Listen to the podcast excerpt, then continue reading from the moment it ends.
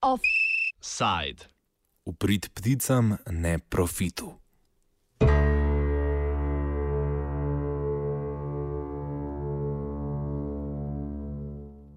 Ljubljansko bar je eno največjih mokrišč v jugovzhodnji Evropi in dom raznovrstnih živali, med drugim 98 vrst metuljev, je krhko okolje, ki mu škodujeta tako intenzivno kmetijstvo kot opuščanje kmetijstva. V namen ohranjanja mokrišč in ekstenzivnih travnikov, nujno potrebnih za ohranjanje ogroženih živalskih in rastlinskih vrst, se je 1. januarja letos začel projekt Poljuba.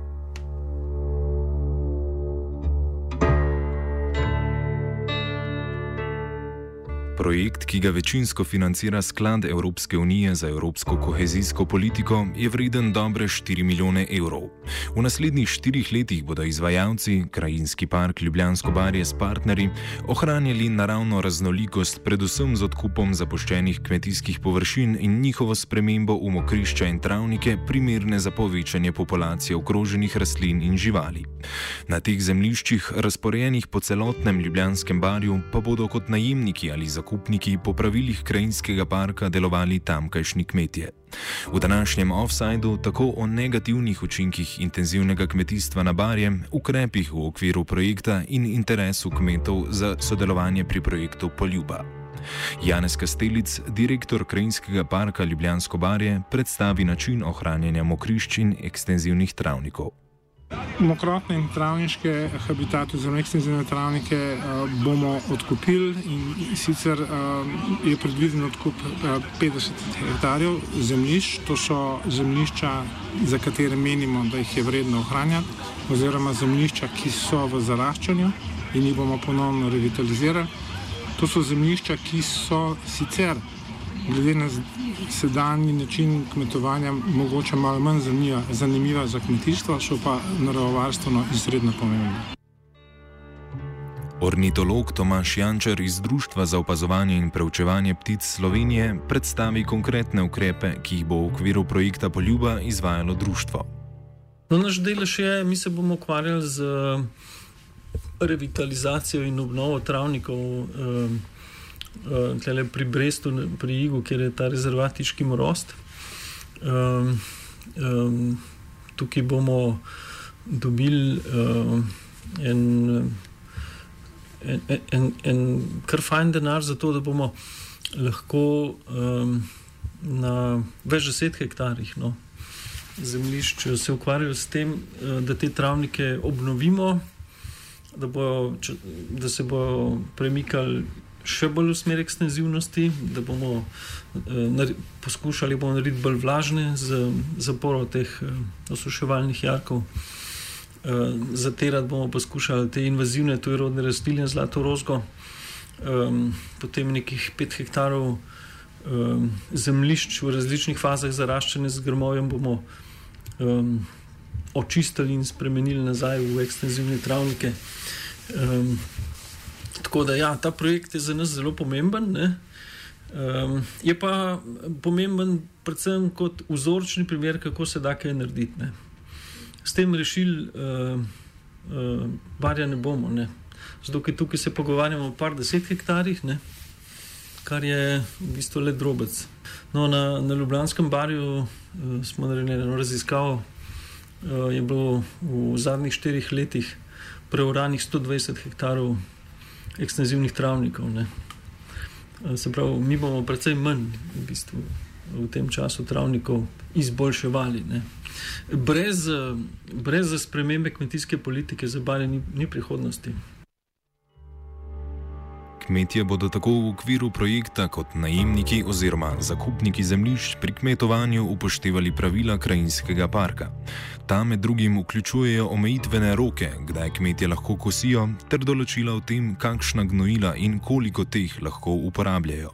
Med pravila tudi spada, da morajo kmetijska upravila, ki bi motila razmnoževanje ptic, opraviti pred 15. marcem. Kastelic pojasni, da imajo dovolj kmetov, ki so pripravljeni slediti tem pravilom in skrbeti za 30 hektarjev, kolikor so jih zdaj odkupili. Interesa je zaenkrat uh, dovolj, gre tudi za relativno majhne površine. Ne?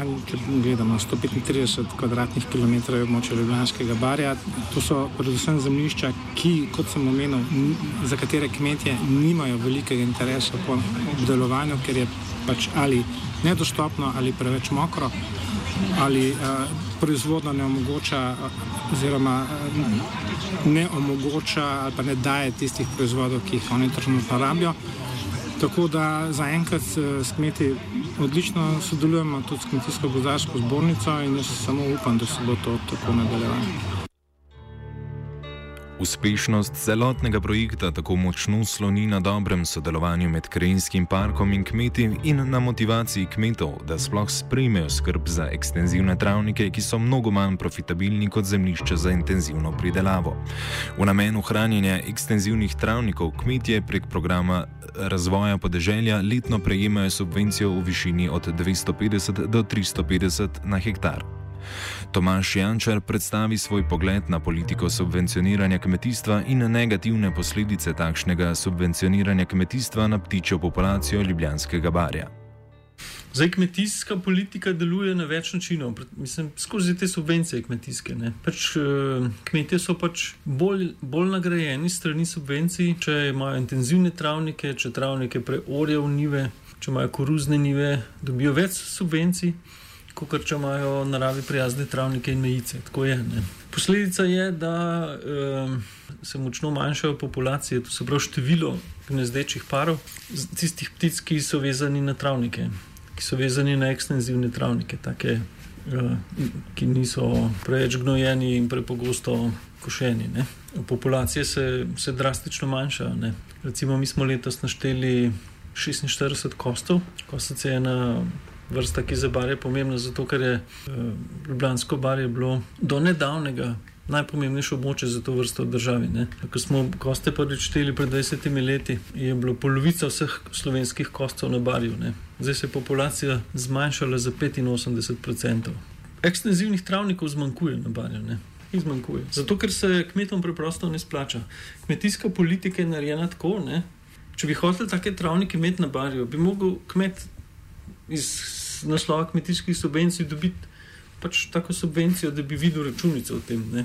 Zdaj pa obratno, ne, ne da uh, ne dobi za ekstenzivni travnik kakšnega posebnega denarja, kaj še le tako velikega, da bi se mu izplačal ekstenziven travnik kmetov v primerjavi z, z, z silažno koruzo. Uh, ampak nasprotno, ne.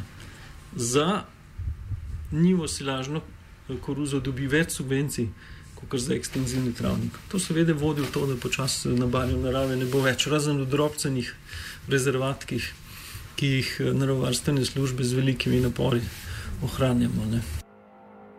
Poleg intenzivnega kmetijstva pa barju škodi tudi opuščanje kmetijskih zemljišč, saj se nekdanja mokrišča zaraščajo in postopoma postajajo gost, s tem pa neprimerno okolje za dvoživke in ptice, ki živijo le v mokriščih.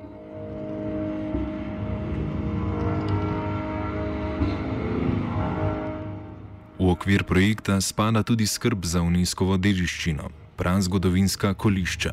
Kastelic pojasni, kako skrb za naravo in skrb za ohranjanje kulturne zapuščine so upadata.